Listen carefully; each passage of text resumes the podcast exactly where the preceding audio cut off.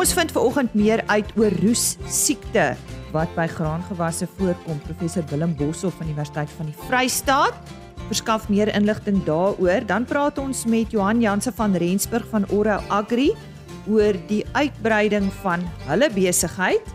Jaco Vasen van Nutribase gesels oor kuilvoer en noem onder andere watter algemene foute boere maak as dit kom by die maak van kuilvoer. En dan kuier ons ook uh, by Denise Mulsing Karen Venter medewerker in die Oos-Kaap het by haar gaan kuier. Hulle is van Induna Safaris daar in 'n baie droë deel van ons land in ons hoor hoe Denise as boervrou oorleef het. Dis dan op uh, eh, RC Landbou vir oggend van my Lise Roberts hartlik welkom. Dankie dat jy saam met ons kuier.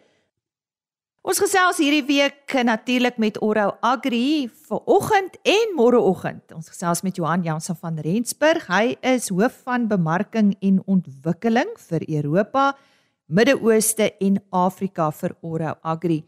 Nou Johan, die laaste keer toe ek en jy gesels het, ek het gaan kyk, dit is so einde Maart vanjaar. Nou sedertdien het uh heel wat by julle gebeur. So uh ja, wat het gebeur sedit ons laas gepraat het? Goeiemôre.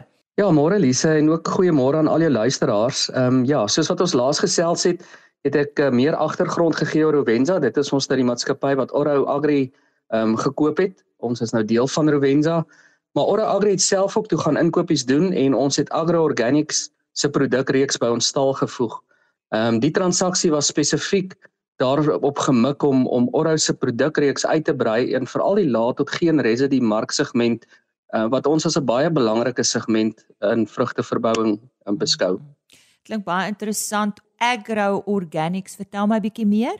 Nou ons was veral um, geïnteresseerd in hulle insekdoders wat bestaan uit organismes soos Bavaria en Metarhizium. Ehm um, en dit is natuurlik nou nie al produkte in hulle stal nie. Soos jy weet is uh, Ora Agri kennis op die gebied van plantekstrakte. Uh, mens kan maar net gaan kyk na die sukses wat ons bereik het met ons grootste produk wat lemoenolie as hoofaktiewe bestanddeel bevat. En Agro Organics het het 'n paar produkte wat self ook ehm um, natuurlike ekstrakte bevat. So die ander produkte in die Agro Organic stal uh, wat ek dan nou natuurlik verwys na is, is produkte wat pyrethrum bevat en ook die neembevattende produkte. Beide hierdie produkte is nou uiteindelik deur ons uiters streng kwaliteitskontrole proses geneem en ons is nou gereed om beide die produkte onder die Oro naam te versprei. Is regtig baie opwindende nuus en ek dink dit gaan 'n gaan 'n goeie oplossing bied vir vir mense in in vrugteverbouing en en 'n paar ander segmente. Johan, uh, sê vir my hoe hoe sluit dit aan by die produkte wat ons dan in die toekoms kan verwag uit die Rovenza stal? Nou, Ora Agri net soos Rovenza werk baie hard daaraan om produkte mark toe te bring wat veilig is om te gebruik, asook natuurlik 'n minimale impak op ons omgewing het.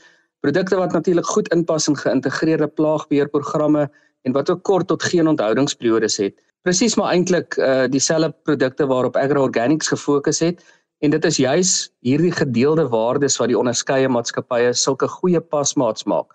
Vir ons almal is dit uiters belangrik in ons strewe om veilige volhoubare oplossings met min tot geen residue aan ons kliënte te bied. So wat hou die onmiddellike toekoms in vir Ora? Uh, ons werk aan produkte wat 'n rol speel by abiotiese stresbestuur, presisievoeding, microbiologiese oplossings, plantekstrakte ensovoorts. Ek kan ek kan seker die hele dag aangaan. Um, ons werk met, met produkte wat swamsiektes aanspreek, grondgedragte siektes, insekdoders, mytdoders, ook produkte wat um, nematode beheer sal aanspreek. Ons kyk spesifiek dan na tegnologieë wat ontwikkel is om die absorpsie van anorganiese molekules te verbeter. Uh hier kyk ons na tegnologieë wat spesifiek gebruik word om ook die oplosbaarheid van moeilike oplosbare produkte te verbeter. Dit het ons goed te pas gekom toe ons na die neem produk gekyk het. Dan is daar ook tegnologie wat ontwikkel word um, om die swamdodende en biostimulasie effek van mikroorganismes te verbeter en 'n um, ander veld wat ons baie in belangstel en wat ons na tegnologie kyk is dan waar ons natuurlike ekstrakte soos byvoorbeeld pyrethrum enkapsuleer en beskerm teen sekere omgewingstoestande soos IV. Daar is ook ander produkte wat ons aan werk wat die biostimulasie effek van organiese molekules kan verbeter. So ons is regtig opgewonde oor die toekoms, ons is opgewonde oor die oor die maatskappye wat wat ons mee betrokke is En ehm um, ja, ek uh, dink daar is in die toekoms kan julle nog 'n bietjie meer nuus ver, verwag rondom die verkrygings in die landbouomgewing. Ehm um, Rovenza is besig om nou nog 'n baie bekende landbou maatskappy te kyk wat wat deel van die stal gaan word. Johan, ons gesels nou môreoggend weer met jou. Waarop fokus ons dan? Ek dink ons moet 'n bietjie kyk na daardie groei in Oro Agri en en met groei bedoel ek ehm um, mense. Daar het 'n bietjie skuwe gekom, nuwe mense wat by ons gaan aansluit. So ek dink dit sal interessant wees om 'n bietjie daarna te kyk. Ja ja, onthou môreoggend weer in te skakel vir nog 'n aflewering van RSC Landbou. Dan gesels ons weer met Johan Janse van Rensburg.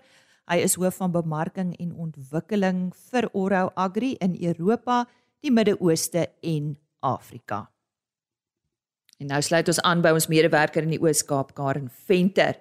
Sy het by 'n boervrou gaan kuier.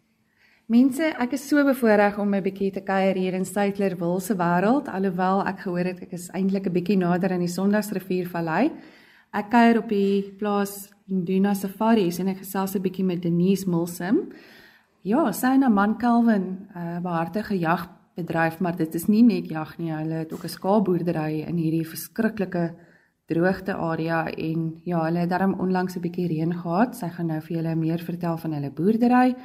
En ek wou maar net baie graag van die geleentheid gebruik maak om met 'n boer se vrou te gesels en te hoor ehm um, hoe doen hulle dit? Hoe oorleef mense in hierdie harde wêreld waar die peperbome nog oorleef sien ek? Ehm um, maar ja, dit hulle is deur 'n verskriklike droogte. Is dit regte nuus? Ja, ehm um, ons is gelukkig het ons nou in die laaste ek sal sê 7 maande baie lekker reën gehad en dit was 'n uh, bietjie reën en dan 'n uh, opvolgreën so dit was nie alles hard in een slag nie. En dit is baie goed vir ons ehm um, vir ons boerdery. Ons het dit bitter baie nodig gehad Ek is seker almal weet ehm um, hoe moeilik die droogte is. Ek weet dit is al waaroor ons boere altyd praat. Maar ehm um, ja, dit was regtig 'n baie moeilike tyd. Ehm um, al die diere, ons het hulle so jammer gekry, so baie dood gegaan en hulle ons het hulle eintlik in die tuin gesien. Hulle kom soek na kos. So ons het baie verskillende diere in die tuin gehad wat lekker was, maar dit was ook 'n bietjie hartseer. Mm, jy is nogal regte nuus. Ek dink nie almal van ons het die hart om elke oggend op te staan en na honger diere te kyk en jy's magteloos om enigiets daaraan te doen nie. Ehm, um, maar kom ons gaan gou-gou 'n paar jaar terug. Jy en jou man was albei op Woodridge gewees daar naby Port Elizabeth, Quebec, soos ons deesdae sê. En julle het verskillende rigtings ingeslaan en het julle mekaar iewers in Engeland raak geloop. Ja, dis waar. Ons was eintlik saam op skool en toe ehm um, Calvin se ouers het vir De Beers gewerk, so hulle het ehm um, geskuif al om Afrika en toe trek hulle terug Engeland toe en toe maak ek klaar met skool en ek het my uh degree gedoen in verpleging en toe gaan werk ek oor see en ja, toe kom ek en Calvin weer by mekaar en that was it. Ons het maar net besluit om 'n uh, 'n lewe saam te maak en toe het hy altyd gesê hy wil baie graag terugkom Afrika toe. En so ons het stadig begin beplan hoe ons gaan terugkom. Ehm um, ja, ons het eintlik uh die einde 2006 teruggekom. Ehm um, dit was 'n bietjie vroeër as wat ons eintlik beplan het, maar ehm um, ongelukkig in daai tyd is my suster oorlede en toe wou ek my net naby dit wees aan ons familie en gelukkig wou Calvin terugkom. So hy was besig eintlik om in computers te werk. So hy was 'n office guy. Maar ons het besluit ons gaan terugkom en ons gaan die jag plaas en besigheid begin. So my pa het die dinge begin regmaak. Hy het begin kyk na verskillende diere wat ons gaan nodig hê en ehm um, die skape minder te maak sodat daar meer grazing is vir meer om meer diere in te uh, bring. So dit het omtrent 'n jaar gevat die planning van alles. En toe moes Calvin terugkom om sy PH professional hunting license te doen. En dit was nog 'n groot storie want hier kom hierdie man van Engeland, hy kan amper die Afrikaans praat nie en hy het ehm um, ja, hy moes in die bos gaan bly vir 10 dae en hierdie kursus doen my baie goed gedoen. Ehm um, ja, en toe kom ons terug En ja, die die taal was 'n bietjie van 'n probleem. Calvin kon niks Afrikaans praat nie en nou kan hy heeltemal eintlik jy kan amper nie sy aksent meer hoor nie. Ehm um, ja, so dit het alles goed gegaan. Ons het hard gewerk op ons ehm um, jagbesigheid, maar dit baie geniet. Calvin is uitstekend met die kliënte. Ehm um, dit's 'n 24-hour job. Wanneer wanneer die kliënte hier is, you are dedicated to them 24 hours a day. Uh intussen moes ons ook die skaap uh uh plaas doen en ehm um, toe in 2019 is my pa oorlede wie nou alles saam met Calvin alles gedoen het. Nou kom ek so vinnig tussenin terug te nuus. Wat was jou pa se naam? My pa se naam is Donovan Redman en my ma is Erna Redman. So hulle ehm um, my pa het hierso groot geraak in die omgewing. So die Redmans kom al 'n lang pad hierso in ons stukkie van die wêreld. Ehm um, ja, toe moes Calvin ek en Calvin ehm um, nou alles oorvat en dit het obviously 'n bietjie moeilik geraak want ewe skielik was hy alleen en toe kom die droogte wat dit baie moeilik gemaak het en net om dit bietjie meer interessant te maak kom COVID. So ons jag besigheid het ook heeltemal opgehou. Maar ons het nou reën gehad en die jagters kom terug en dinge lyk baie beter. Ek sal heeldag hier wil sit in hierdie groot ruim vertrek en omring met al die trofees, maar ons sal seker moet begin klaarmaak Denise. Wat kan julle vir ander mense sê daar buite wat 'n jagbesigheid wil begin? Ja, dit's eintlik baie ehm um, it's a lot of fun. Ehm um, veral as jy iemand is wat mense geniet, want jy kry verskriklike verskillende mense wat kom kuier, maar dit is nie net van nie, dit is baie harde werk want ehm um, die mense kom van oorsee. You want to make sure alles is 100%. Ehm um, en ook die marketing. Dit begin nou bietjie moeiliker raak. Die competition is big. Daar's baie jagters daar en baie mense wat teen jag is, so you fighting that as well. Maar ja, if you enjoy hunting en jy geniet mense, definitely go for it. Ja, en Calvin is nou nie hier om self te antwoord nie, maar kan 'n skaapboerdery en 'n jagboerdery werk? Dit kan werk, maar dit vat baie beplanning en um a lot of hard work. En dit Calvin hy doen dit baie goed. En dan laastens vir die vroue om hulle ore ook te spits. Hoe kry jy dit reg om nog tuis onderrig by te bring met Kyan en Tegan en hulle is 12 en 9 jaar oud op hierdie stadium? Wel dit was eintlik my beste decision. Um ons geniet dit vreeslik. Dit vat ook net baie tydbeplanning. Jy moet jou dag plan hoe jy dit gaan doen. En jy weet uh, plaaslewe is nie maklik nie. Mense dink jy sit en doen niks nie, maar ons is eintlik baie besig. Maar die lekker ding is you've got freedom. Ons kan vandag besluit ons gaan 8 ure skool doen want môre gaan ons piknik in die veld. So jy kan jou dag besluit hoe dit gaan wees en dit is die beste ek sal dit vir niks omruil nie. Ja, so jy is ma, jy is vrou, jy is verpleegster, jy is 'n besigheidsmens, jy sê ietsie van alles, taxi. ja. Ja, dit is 'n bietjie van alles. Maar dit dit ek geniet dit baie. En as enige iemand sommer net wil hallo sê, waar kan hulle julle in die hande kry? So ons het 'n webwerf vir ehm um, Induna Safaris. Ons is ook op Facebook en Instagram en ehm um, die selfoonnommers en alles is daar. Jy sal dit daar kry. Dankie. Ek wil net ook gou sê as jy ehm um, soek vir ons, ons is Induna Safaris met 'n i en ehm um, ek weet daar is 'n paar ander, maar ons verskil want ons is I N D U N A en ons is naby Kleinpoort in die Karoo. Daar sê dit was nou baie lekker. Ek dink ons moet nog 'n koppie koffie drink en dan moet ek ja, in die pad val. Lekker. Baie dankie. Karen Venter wat daar so lekker met Denise Milsum gesels het. Ek het so tydjie gelede met professor Willem Boshoff van die Universiteit van die Vrystaat gesels. Hy's 'n mede-professor in plantwetenskappe. Ek het meer gaan uitvind oor roes siekte. Willem, ja presies, wat is roes siekte? Ja, so roesiektes word veroorsaak deur swamme en hulle val normaalweg die boogrondse dele van plante al aan, so meestal die blare van die plant dan.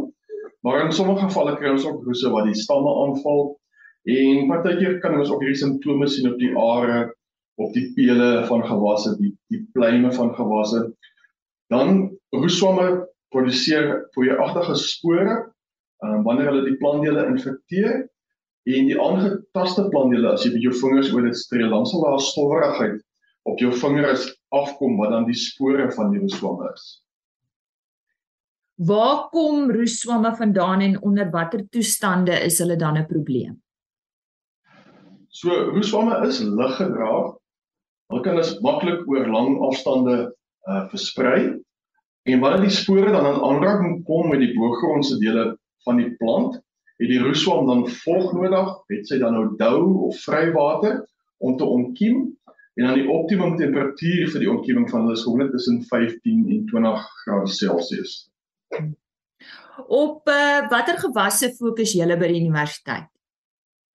Ons fokus meestal op die graangewasse wat dan insluit jou wintergrane soos koring, gars, koorrog, rog en haver, maar dan ook op van ons somergewasse wat geaffekteer word soos mielies, sonneblom en bone. So kan dieselfde roeswam meer as een van hierdie graangewasse aanval. So gelukkig in die meeste gevalle nie die roeswamme is baie uh gasheer spesifiek. So byvoorbeeld het ons op koring um drie roeswamme wat koring kan affekteer en net een van hulle kan dan 'n probleem wees op op gars En dan die die roeswam wat op jou wintergewasse voorkom, so kan geen risiko uh, vir jou somergewasse nie. Hoe algemeen kom roes siektes op graangewasse in Suid-Afrika voor?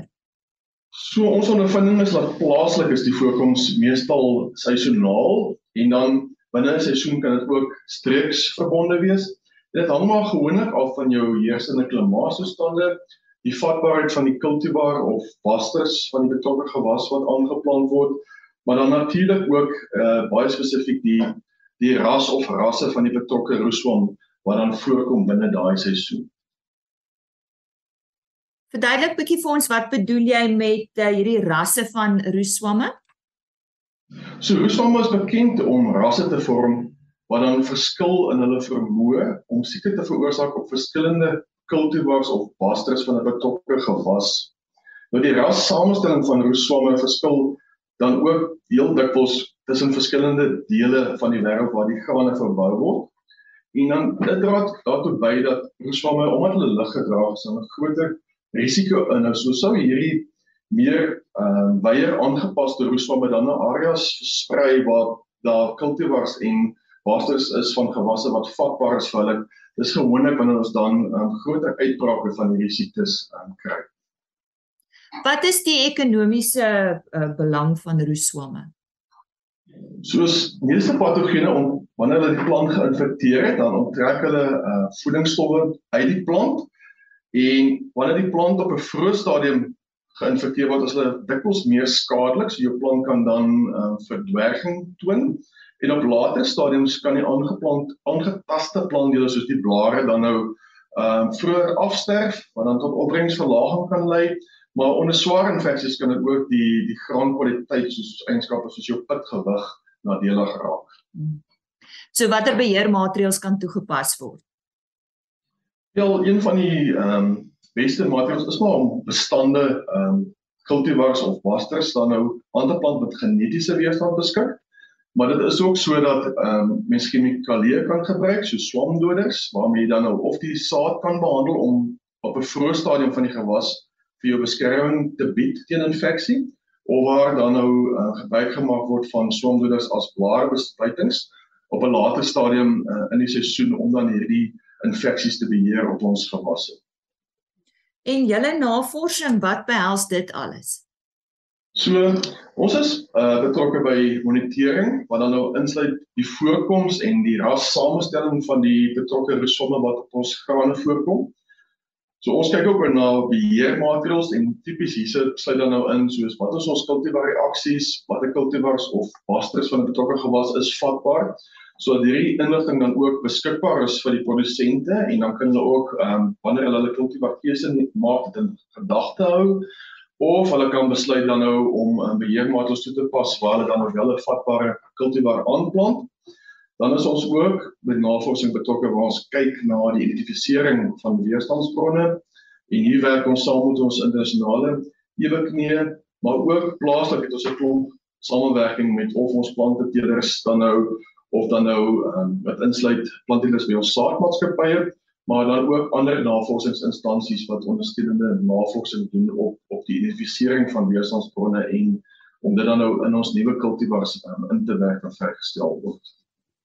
En so sê professor Willem Boshoff, hy is mede-professor in plantwetenskappe by die Universiteit van die Vrystaat. Dis die tyd van die jaar wanneer ons uitsien om te hoor wie is vanjaar se wenners in die Santam Landbou Nasionale Kuilvoer Kompetisie.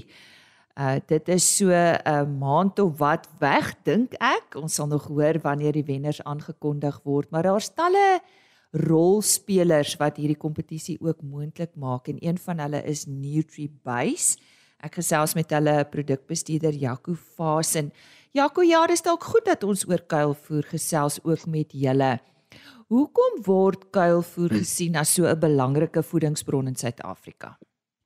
Ja, Lize, ehm um, ek dink eerstens kuilvoer is natuurlik baie uniek omdat al omdat dit vir soveel jare suksesvol geberg kan word en en vars bly. Ehm um, jy weet voeding die voedingswaarde van kuilvoer is ook ongelooflik en as dit goed gemaak word, ehm um, jy weet kan jy kan jy kuilvoer is is is is van fenominale nutriënte uh, belang vir die vir die diere. So 'n goeie mieliekuilvoer bied byvoorbeeld meer as 30% stysel en en meer as 8% proteïene. Ehm um, so ja, dis dis 'n geweldige voedsame uh, bron. Kuilvoer word ook geproduseer ehm um, wat op die plaas geproduseer word is ook natuurlik baie goedkoper metode ehm um, as as wat jy sou byvoorbeeld van daai voedingsstowwe begin inkoop van buite af so so is definitiewe ehm um, ekonomiese voordeel alreeds en ek dink laastens as ons kyk dit kan eintlik amper as 'n versekeringspolis ook vir die vir die boer dien en uh hoekom ek so sê is as jy goeie kuilvoer maak wat lank gestoor kan word oomblik as jy in 'n droogte fase inbeweeg en jy het kuilvoer op die plaas kan jy natuurlik dit vir lang periodes gebruik en vermy om natuurlik die rivierbronne in te koop. Watter tegnologiese ontwikkelings het plaasgevind oor die laaste dekade met betrekking tot kuilvoer maak en berging in Suid-Afrika? Ja, ek dink ehm um, as ons kyk ehm um, ja wat wat die laaste tyd gebeur het, dink ek van die grootste ehm um, nuwe tegnologie wat ingekom het is is is die masjinerie wat natuurlik hierdie kuilvoer ehm um, in in sakke, kuilvoer sakke wat hulle van praat stoor en en dan ook in die in die bale wat toegedraai word met met plastiek.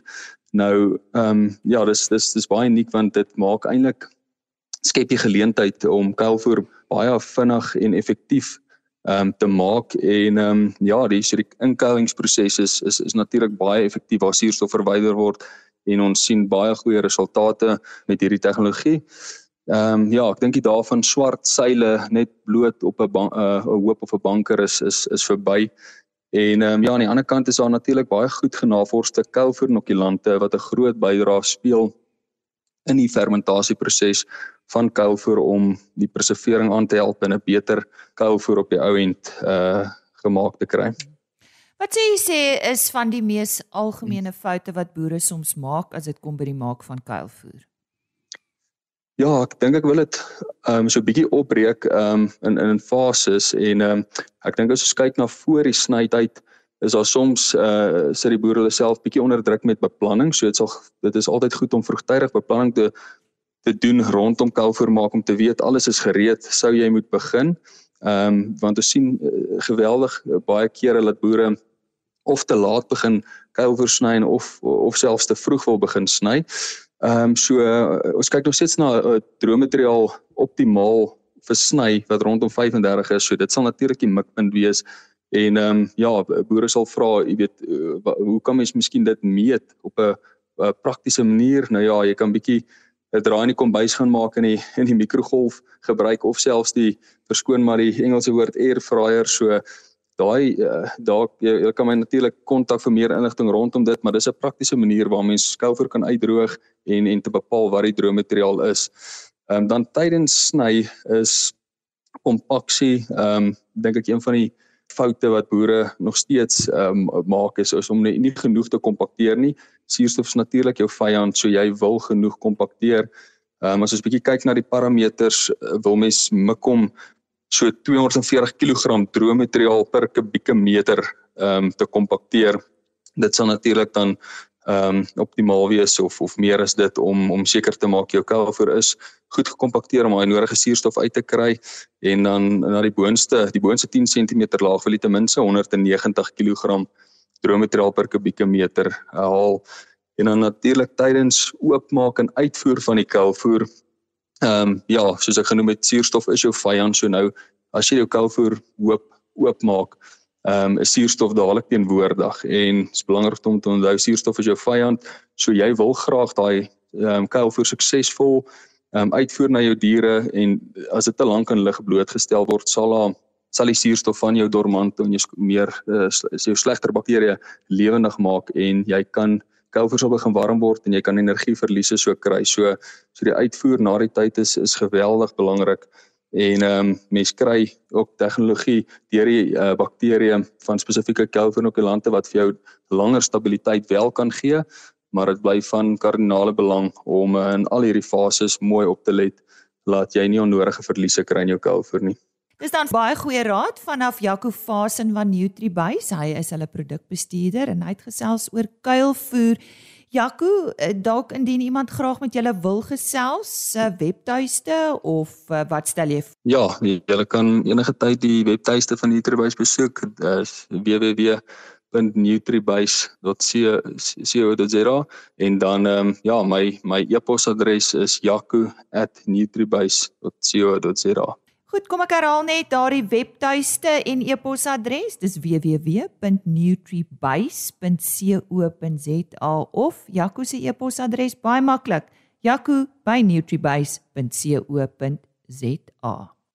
En dis dan uh, vandag se RSG landbou. Onthou môreoggend weer by ons aan te sluit. Ek stel jou dan voor aan die Agri Noord-Kaap jongboer van die jaar. Maar dis nie al nie.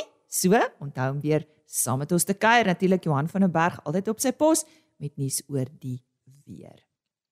E-posadres rsglandbou@plaasmedia.co.za en 'n webtuiste indien jy graag na een van die onderhoude wil gaan luister of jy dalk uh, inligting misgeloop of jy wil dalk uh, dit aanstuur vir iemand www.agriorbit.com. Totsiens. RSG Landbou is 'n plaas media produksie met regisseur en aanbieder Lize Roberts en tegniese ondersteuning deur Jolandi Rooi.